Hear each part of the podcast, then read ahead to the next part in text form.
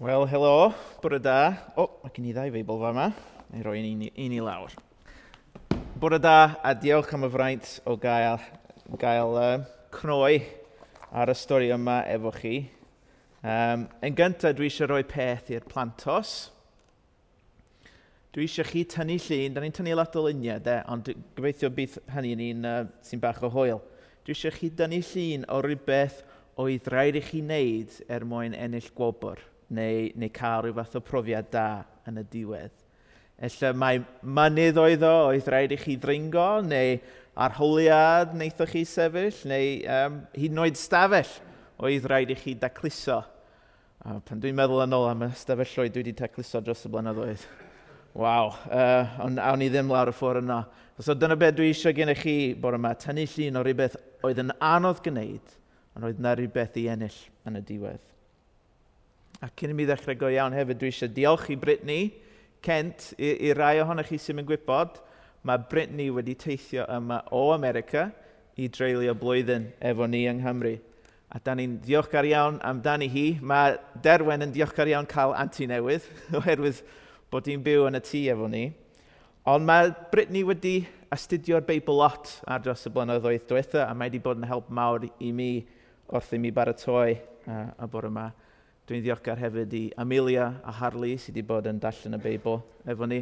Dwi'n ddiolchgar iawn am y merched yn y mywyd i sydd wedi bod yn, yn cry yn ei ffi sydd wedi helpu fi i rando ar ddiw. A dwi angen help gyda chi, ferched. Um, mae yna chydig bach o eirony o'r sôn am graig yn gyn i babi. Um, dwi'n ddyn, sgyn i'n lot o brofiad o hynna, uh, o gwbl. Felly dwi angen eich help chi, dwi eisiau i chi rannu eich profiadau efo ni. Dim pob dim. um, a hannaf dwi o saith o blant, a dwi'n cofio mam yn, yn um, wel, dweud y stori y llawn yn aml iawn. Ond ambell i fanwl da ni isio gennych chi bod yma. A y cwestiwn cyntaf mae gen i chi yw, um, faint o amser gymerwch, gymerodd eich babi pan oeddech chi yn yr ysbyty? Cwestiwn eitha syml, ond un sy'n rhoi cipolwg bach i fewn i'ch stori chi. Fedrwch chi ateb yn y, yn y sylwadau, yn y chat, um, a rhawn ni rannu nes ymlaen am be da chi wedi deud. Felly peidiwch rannu dim byd ti'n eisiau cael ei gyhoeddi. Please. um, tra bod chi'n ateb y cwestiwn yna, dwi am roi eich rhywbeth o gyd-destun uh, uh, y stori yna i chi.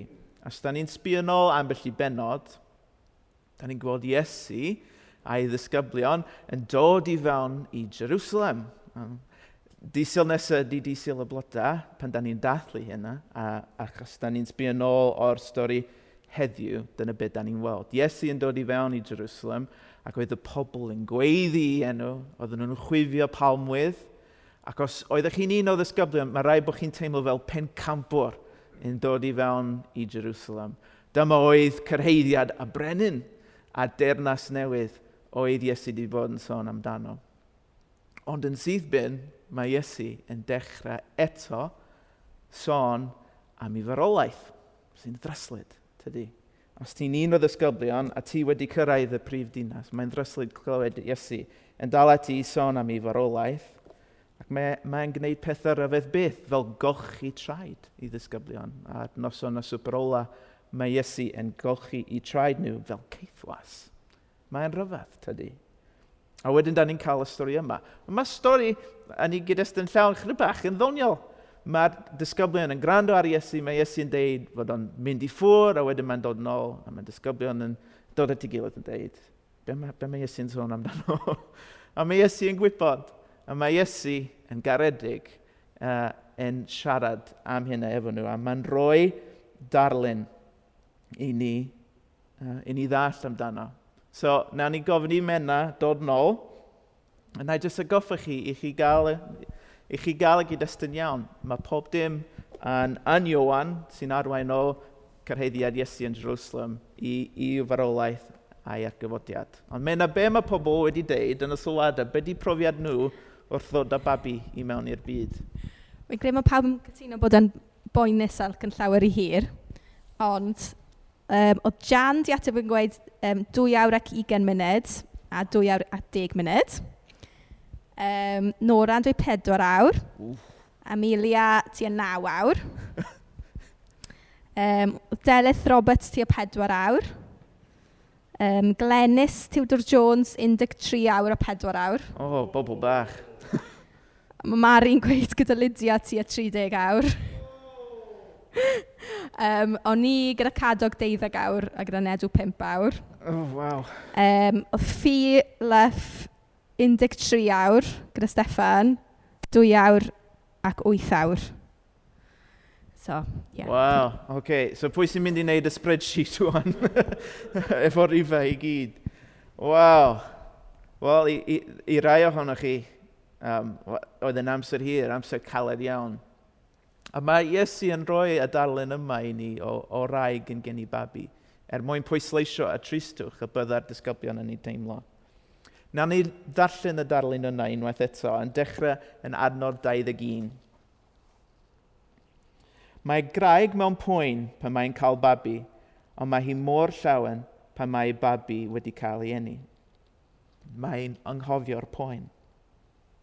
Yr un fath gyda chi, Da chi'n teimlo'n drist ar hyn o bryd, ond byddai'n eich gweld chi eto a byddwch yn dathlu, a fydd neb yn gallu doen y llawenydd ddi arnoch chi. Dwi'n falch iawn nath ni ddim clywed profiad y tadau yn ystod y sylwadau yna, achos nid amdan y tadau ydy hyn, ond am y mamau.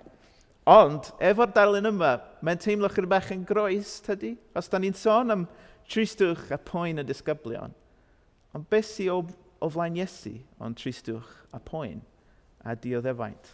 Achos yn y penod nesau, mae Iesu yn mynd i cael ei fradychu, mae'n mynd i cael ei ddefrydu ei farolaeth a'r marolaeth ar y groes. Ond am eiliad yma, mae Iesu yn, yn cymryd saib i huniaethu efo efo'i ddisgyblion. A mae yna rhywbeth, mae yna rhywbeth mawr i ni ddysgu am, am pwy yw Iesu yn y foment hon. Dwi eisiau i ni wneud yr un peth. Dwi eisiau i ni gymryd amser i huniaethu efo'r disgyblion i weld be oedden nhw'n profi trwy lygu nhw. Yn y penod nesaf, mae Iesu yn cael ei arestio. A, a dweud y gwir, ar ôl, ar ôl hynna, does dim lot o sôn am y disgyblion. Mae nhw bron yn diflannu. Uh, Mae'r testyn yn deud bod Iowan y Pedr yn dilyn Iesu i di yr offeiriad, lle mae Iesu yn, yn cael ei cnebrang. Um, ond y sôn ar ôl hynna yw am Pedr yn gwadu hyd yn oed nabod Iesu. A dyna bo oedd Iesu wedi ragweld. Ac ar ôl y trydydd gwaith, mae Pedr yn clywed can uh, y ceiliog. Ac mae Beibl.net yn deud ath o yno yn beichio crio. Ond sgwn i lle ath Pedr ar ôl hynna. Ella fod o wedi cofio ffrind neu cefnogwr, ella un o fechyd oedd yn cefnogi Iesu, ella bod gennyn nhw um, tŷ yn, uh, yn y ddinas ac oedd o wedi mynd yno. Ella bod uh, un o ddisgyblion wedi cyrraedd yn gynt, a sgwni sut gwestiwn y gath Pedr ar ôl iddo gyrraedd yn ôl. Sgwni as os nathyn nhw gysgu yn noson honno. Rhaid bod, bod gynnyn nhw ofn. A diwrnod nesaf, da ni'n gweld treol a, a marolaeth Iesu, ond eto, does dim sôn lot am y disgyblion. Mae Iesu yn cael ei arwain at Peilat, sy'n dyfrydu, sy'n dyfrydu Iesu farolaeth. Ond eto, does dim sôn am, am y disgyblion. At y groes, da ni'n gweld y merched oedd yn dilyn Iesu, gan gynnwys i, i fam, a Iwan oedd disgwynu'r efengil yma, ond does dim sôn am y deg arall.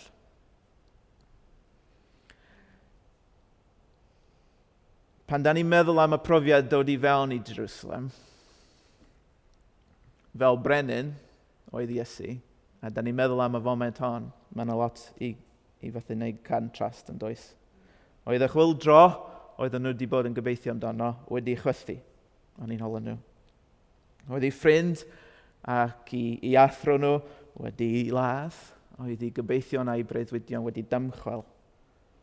Ac ar yr un pryd oedden nhw'n ofni dros eu hunan. Oedden nhw'n meddwl sa'n nhw'n cael yr un triniaeth gan y llywodraeth gan yr establishment. I ni, da ni'n medru dweud sut nath nhw anghofio mor hawdd weithiau, achos ni sy'n cael y stori llawn yn di a gwyn. Sut nath nhw anghofio efo geiriau Iesu yn dal i ganu yn eu clustion nhw. Ond weithiau da ni anghofio hefyd. Um, a dwi eisiau rannu chryw bach o stori dwi wedi cael yn ddiweddar, jyst un agoffa ni o sut fedrwn ni anghofio a sut mae Dyw yn medru agoffa ni o'i stori fawr a'i gariad tuag ato ni. Yn niwedd misio nawr, gath, uh, gath fi ac Emilia newyddion drwg. Ac um, fel ni, oedden ni yng nghanol, fel chi, oedden ni yng nghanol y lockdown, oedden ni wedi cael hen ddigon ohono fo, a doedd ni ddim yn, unrhyw beth newydd, nag oedd. Oedd derwyn di bod i fyny ac i lawr yn oson gynt, oedd yn hel ddanedd. Mae'n hel ddanedd o hyd, faint o ddanedd sy'n gan blant, de. Uh, A ni, ni wedi misio nawr oedd cynhesrwydd y dolyg bron di diflannu. Ac um, gathon ni notice bod tŷ ni yn fynd ar y farchnad i cael ei werthu.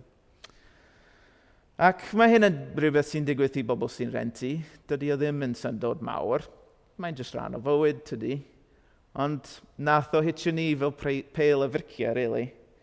Um, Oedden ni wedi dechrau panicio meddwl am sut fydden ni'n pacio i fan ni a ffeindio lle newydd a gwneud efo babi un mlynedd oed, ac yng nghanol y pandemig, ac yn y blaen, panic oedd y gair, dyna be oeddwn ni'n profi. Ond wedyn, yr un diwrnod, gathon ni neges gan ddiw. O'n i mewn cynhadledd ar Zoom. uh, do'n i ddim mor hapus bod mewn cynhadledd ar ôl newyddion fel yna. Ond nath rhywun rannu adnod o stori Joseph nath yng nghyffwrdd i yn fawr iawn. Dwi'n mynd i rannu'r adnod yna efo chi, Iwan. Da chi'n fy ngwneud i'n ddi blant fel hyn, meddai Jacob. Mae Joseph wedi mynd, mae Simeon wedi mynd, a nawr da chi am gymryd Benjamin o ddi arna i. Mae popeth yn fy erbyn. Wel, yn, yn syth bin oedd yr adnod i canu cloch efo ni, oeddwn ni'n teimlo fel popeth yn ein herbyn ni hefyd. Ond, gan ni gofio bach o stori Joseph hefyd – Oedd Meibion Jacob wedi dod nôl o'r aifft, oedden nhw wedi prynu bwyd yn yr aifft oherwydd newyn oedd yn y lad. Ac dyna pryd nath nhw rannu efo Jacob. Tro nesaf da ni'n mynd i brynu mwy o fwyd, bydd rhaid yn fynd, da Benjamin yn ôl efo ni. A pam? Wel, mae yna lywodraethwr llym sy'n eisiau gweld bod ni'n deud y gwirionedd am Benjamin. Felly, da ni gorau mynd efo yn ôl. A mae, mae Jacob yn dech, dechrau colli hi, dydy. Mae'n deud, dwi wedi colli Joseph yn barod, fy ffefrau ni, dwi'n eisiau colled, dwi'n eisiau colli Joseph. Ond da ni'n cael y stori llawn, tydan. Da ni'n gweld bod Dyw ar waith, bod Joseph yn dal yn fyw, a dweud y gwir, Joseph yw'r llywodraethwr sy'n achosi'r problem i Jacob. A ni olo. Da ni'n gweld sut mae Dyw yn mynd i achub holl deulu Jacob yn y foment yma ond tydi Jacob ddim yn gweld eto eto'n acti. Oedd yr adnod yma, un adnod bach o stori, o stori fawr diw, oedd o'n neges gan ddiw i ni yn y foment honno. Oedd yn agoffa ni bod diw ar waith er gweithio ein sefyllfa ni. Oedden ni dal yn drist am be oedd yn digwydd. Um, da ni ddim eisiau gadael llan llyfni, er enghraifft, fydd o'ch rhywbeth yn anodd ffeindio rhywle newydd i fyw. Da ni dal yn drist am hynna, ond da ni ddim ond panic, dim mwy. Oherwydd mae Dyw wedi agoffa ni fod o efo ni, a fod o arwaith, a fydd o'n arwain ni allan ohono fo. Er ein lles ni. A dyma beth i llawenydd. mae llawenydd yw y deimlad hynna, fod Dyw arwaith er gweithfa ein sefyllfa ni. Y bywyd newydd mae Dyw wedi plannu yn ein bywyd ni. Tydi o heb gael ei ddiffod oherwydd yr ansicrwydd, o le fyddwn ni'n byw. A dyna oedd yr un neges gath y disgyblion yn y stori sy'n o'n blaen ni heddiw. Ac os da ni'n troi dim ond cwpl o dudalennau, da ni'n gweld y llawenydd yno arwaith. Da ni'n gweld Iesu yn dod nôl yn fyw. Cododd Iesu fel oeddwn ni'n canu. Yr atgyfodiad. Gawn ni ddallen o benod 20 yn Iwan, Just cwbl o adnodau, i ni ddangos sut mae disgyblion yn newid. Dyma Iesu yn dod i fewn a sefyll yn y canol. Shalom, meddwl wrthyn nhw.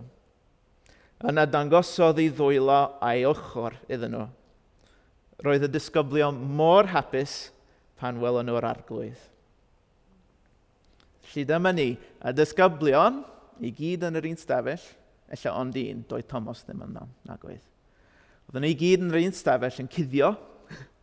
Doedden nhw ddim yn disgwyl be oedd yn mynd i ddigwydd. Oedd y drysa wedi cael. Ac wedyn, dyna ddaeth heddwch. Ac heddwch, heddwch ydy'r gair yma Iesu'n deud wrthyn nhw, shalom.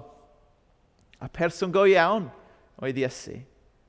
Oedd o yno i ddangos y marciau yn ei ddwylo a marciau yn ei draed. Oedd o yno i cael i gyffwrdd, i gael i gofleidio. Oedd, o, oedd yn foment o lawenydd i'r disgyblion. Oedden nhw mor hapus, mae'n deud yma. Na, dwi eisiau clywed gen i chi eto fa mae Carsalem. O, oh, no, dim eto, sori.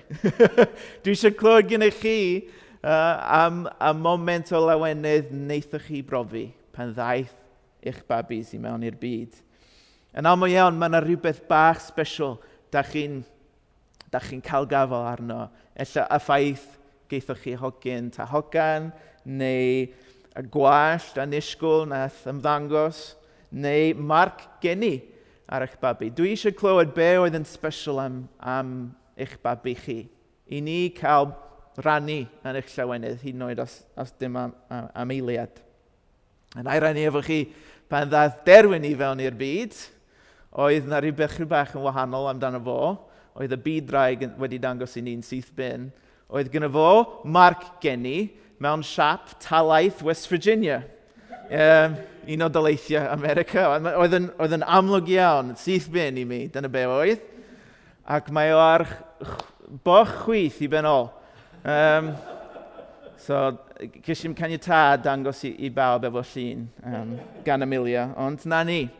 Dyna, dyna oedd y, y peth na ddod y llawenydd i ni. Ella bod gen i hi rhywbeth arall i rannu hefyd, de.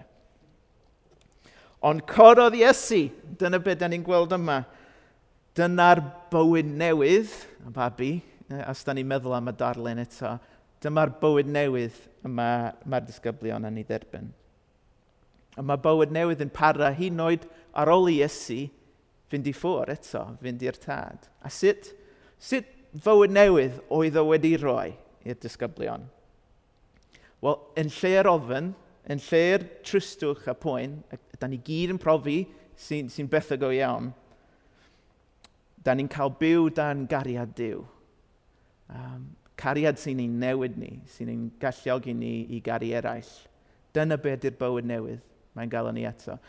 Dyna beth mae Beibl. mae Beibl yn sôn am y bywyd newydd sy'n dŵad ac sy'n wedi cyrraedd. Um, felly mae, mae Iesu'n atgyfodi, mae'n chwalu marolaeth y pechod, ond mae yna mae yna mwy sy'n ar gael hefyd. A'r peth yna yw'r ysbryd glân. Dyna'r bywyd newydd y mae Iesu wedi addo i'r disgyblion a'r bywyd newydd da ni'n medru cael gafael ynddo hefyd. Mae yna ddau beth am y bywyd newydd yma dwi eisiau rannu. Mae'r bywyd newydd yn bersonol, ond mae hefyd yn rhywbeth i ni fel cymuned o bobl. Lly, da ni'n mynd i troi actau ywan. Eto, dim ond cwpl o didalen a drosodd. Actau 2 a dechrau'r penod. Mae'n mae, mae testyn gyfarwydd i lot ohonom ni. Dyma pawb oedd yno yn cael ei llenwi ar ysbryd glân ac yn dechrau siarad mewn ieithoedd eraill. Yr ysbryd oedden ei galluogi nhw i wneud hynny. Mae pawb eto wedi dod at ei gilydd a mae Dyw wedi disgyn arno nhw. Mae ysbryd glân wedi dod i llenwi nhw. Pob un ohonyn nhw, y merched a'r dynion, yr apostolion a'r rai oedd yn dilyn Iesu, mae'r ysbryd glân wedi disgyn arnyn nhw. A mae yna mae yna rhywbeth personol iawn am sut mae, am sut mae Dyw yn lledu yn newyddion da trwy nhw. Da ni, da ni wedi clywed bod nhw wedi dechrau siarad ieithoedd eraill. A oedd pawb wedi clywed y newyddion da gan y disgyblion a ni iaith ei hunan. A ni mamiaith. Iaith yr aelwyd. Uh, chi fel Cymru, da chi'n nabod pa mor bwysig ydy hynna yn, yn well na fi. Ond i roi chri bach fwy o cyd-destun iddo fo, yn, yn dyddiau Iesu, oedd na lot, na lot o ieithoedd. Oedd na iaith yn y farchnad, fel arfer, y iaith roig. Na iaith yn y llywodraeth, y lladyn, y rhufeiniaid. Oedd na iaith yn y demel, iaith y crefydd, sef Hebraeg.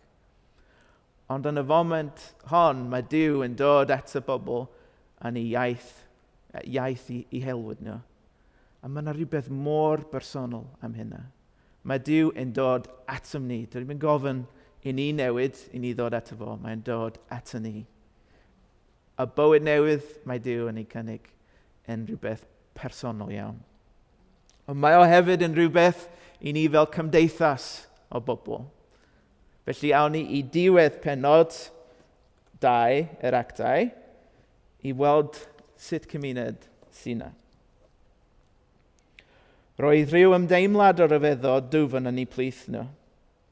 Roedd yr apostolion yn gwneud gwirthiau ryfeddol oedd yn dangos fod Dyw gyda nhw. Roedd pawb oedd yn credu yn teimlo bod nhw'n un teulu ac yn rannu popeth gyda'i gilydd. O fama da ni'n gweld y chwildro yn lledu. Ond tydi ddim yn lledu fel rhyw cult dan bersonaliaeth mawr. Dydy ddim yn lledu fel y criw o bobl sy'n byw dan reolau llym. Mae o'n lledu fel pobl sydd wedi huno at ei gilydd trwy'r ysbryd glân. Mae ofyn, mae tristwch wedi chwalu, a mae'r ysbryd glân yn, yn galluogi pethau rhyfeddol iawn i'w ddigwydd. Oherwydd cariad Dyw yn dod i fewn i'w bobl, yn huno i bobl. Mm. Wel, da ni eisiau clywed atebion y mamau ywan am y llawenydd nath nhw profi wrth ddod a'i babis i mewn i'r byd. Cyn i ni crynhoi chdi bach, na ni glywed gan mynd a diolch i chi ymlaen llaw am, uh, am rannu efo ni. OK. Um, mae Amelia'n dweud dwylo bach derwen hefyd. Mm. A Ma' Gwenno Hughes yn gweud um, "ei lapio dan fy nghesail profiad bythgofeadwy". A mae Jan yn sôn bod lwri mor fach oedd hi bron yn transparent oh, ond oedd ganddi cri bach ciwt. Um, a wedyn ie Glenys yn dweud jyst yym diolchgarwch bod y babi'n holliach. Um, o gan commented mewn gan Robin. Wnaethon ni edrych mewn i'w llygaid a syrthio mewn cariad. A ffeindiodd Robin gallu ddo dim ond siarad efo babanod yn Gymraeg. oh, cute. Lyflu. Ie, yeah, dyna ni. A, diolch am rannu, Mena. A diolch i chi am rannu eich, eich moment o lawenydd efo ni hefyd. Dyna'r un fath o, o fywyd newydd sydd ar gael i ni. Dyna pa mae Iesu wedi defnyddio'r dalen o raig yn gen i babi. A mae hynny yn anhygoel tydi, bod ni'n cael. Ond eisiau bod rai ohonych chi yn meddwl, wel, mae pob dim yn dal i deimlo'n hen i mi. Ar y funud, mae'r pandemig yn dal i fynd, tydi. Mae lockdown di siocio chydig bach, ond mae peth yn dal yn anodd, tydyn. Be mae'n olygu i ni dderbyn a bywyd newydd mae Iesu'n addo heddiw? yng nghanol y tristwch, da ni'n dal i brofi. Yng nghanol y poen, da ni'n dal i brofi. Mae jyst dau beth bach am hynna. Da ni wedi sôn amdano yn barod. Bod y rodd o, o fywyd newydd yn rhywbeth bod Dyw yn cynnig i ni. Mae'n rodd personol sydd ddim yn gofyn i ni newid. Dydy Dyw ddim yn gofyn i ni fod yn hapus i'w dderbyn. Mae o'n dod i fewn i'n tristwch ni. Fel oedd Iesu yn siarad efo'r disgyblion, mae o'n huniaethu efo ni. Ond mae o'n rhywbeth bod ni'n profi efo'n gilydd hefyd. Ac dyna'r profiad dwi wedi teimlo wrth baratoi y neges yma heddiw, dwi wedi gwir. Wrth ddarllen y Beibl efo brodyr a chwiorydd. Um, dwi wedi teimlo presenoldeb Dyw, dwi wedi, dwi wedi clywed Dyw yn siarad efo fi. Dyma bwynt grŵp cymun, uh, grwpiau cymuned Carsalem. Da ni wedi sôn lot amdano nhw. Ond dyna pam. Oherwydd dyma sut da ni'n profi y bywyd newydd. Mae Dyw yn, yn addo i ni. Da ni'n rannu, da ni'n cefnogi, da ni'n annog i'n gilydd i rando ar Dyw a, a tyfu yn ein perthynas efo fo. Mae'n rhywbeth personol, mae'n rhywbeth sy'n digwydd mewn cymuned hefyd. Dydy Dyw ddim isio i ni fwrw ymlaen ar ein pinna'n hunan. Mae o wedi rhoi pobl yr eglwys yn gilydd fel rodd. A fel graig sy'n mewn poen, sy'n mewn esgor, da ni gyd yn deimlo drist, da ni gyd yn teimlo pryderus o bryd i'w gilydd. Na, mae hyn yn naturol. Ond does dim rhaid disgwyl am y bywyd newydd oedd Iesu di addo chwaith. Mae'r mae bywyd newydd yno ar gael, wwan. I roi llawenydd i ni yng nghanol ein tristwch. Felly, ymunwch â ni Mae, mae yna wahoddiad i ti heddiw. Um, mae yna wahoddiad i ti ymuno â grŵp cymuned o hyd os ti eisiau cael gafal yn y bywyd newydd yna. Ond hefyd, um, nawn ni ddim deud y bydd hi'n hawdd. Dydy ddim yn golygu bod ein tristwch ni yn diflannu. Uh, ond bydd Dyw yn cadw i addewid ac i'n llenwi ni a'n cynnal ni. Gan i blygu pen, ond gweddi, please. Dyw, da ni'n diolch i ti am sut ti'n siarad efo ni. Da ni'n diolch i ti am, am sut ti'n ffyddlon. Er gweitha um, sut da ni'n teimlo, um, ti'n ffyddlon um, i, i ddod i fewn i'n bywyd ni a cynnig bywyd newydd. A da ni'n diolch i ti am, am hynna. Diolch i ti am stori'r disgyblion, am, am sut nes ti annog nhw, am sut nes ti cymryd eiliad i'w huniaethu efo nhw hyd yn oed pan oedd y tîn wynebu'r groes a'r pwyn a ddaw. Diolch i ti ddiw am, am, am dy aberth a diolch i ti hefyd am dy siampl di i ni. Helpu, helpa i ni sylwi bod y bywyd newydd yna ar gael. Um, o ddydd i ddydd, helpa ni beidio cael ein llyncu gan y tristwch da ni'n profi, y tristwch sy'n cael ein gwmpas ni. Ond helpu ni i gofio'r llawenydd. Um, yr un llawenydd da ni'n profi wrth groesawu babis bach i mewn i'r byd. Helpu ni gofio'r a, a, a cael gafal yn y llawenydd i ti'n cynnal ni o ddydd i ddydd. Amen.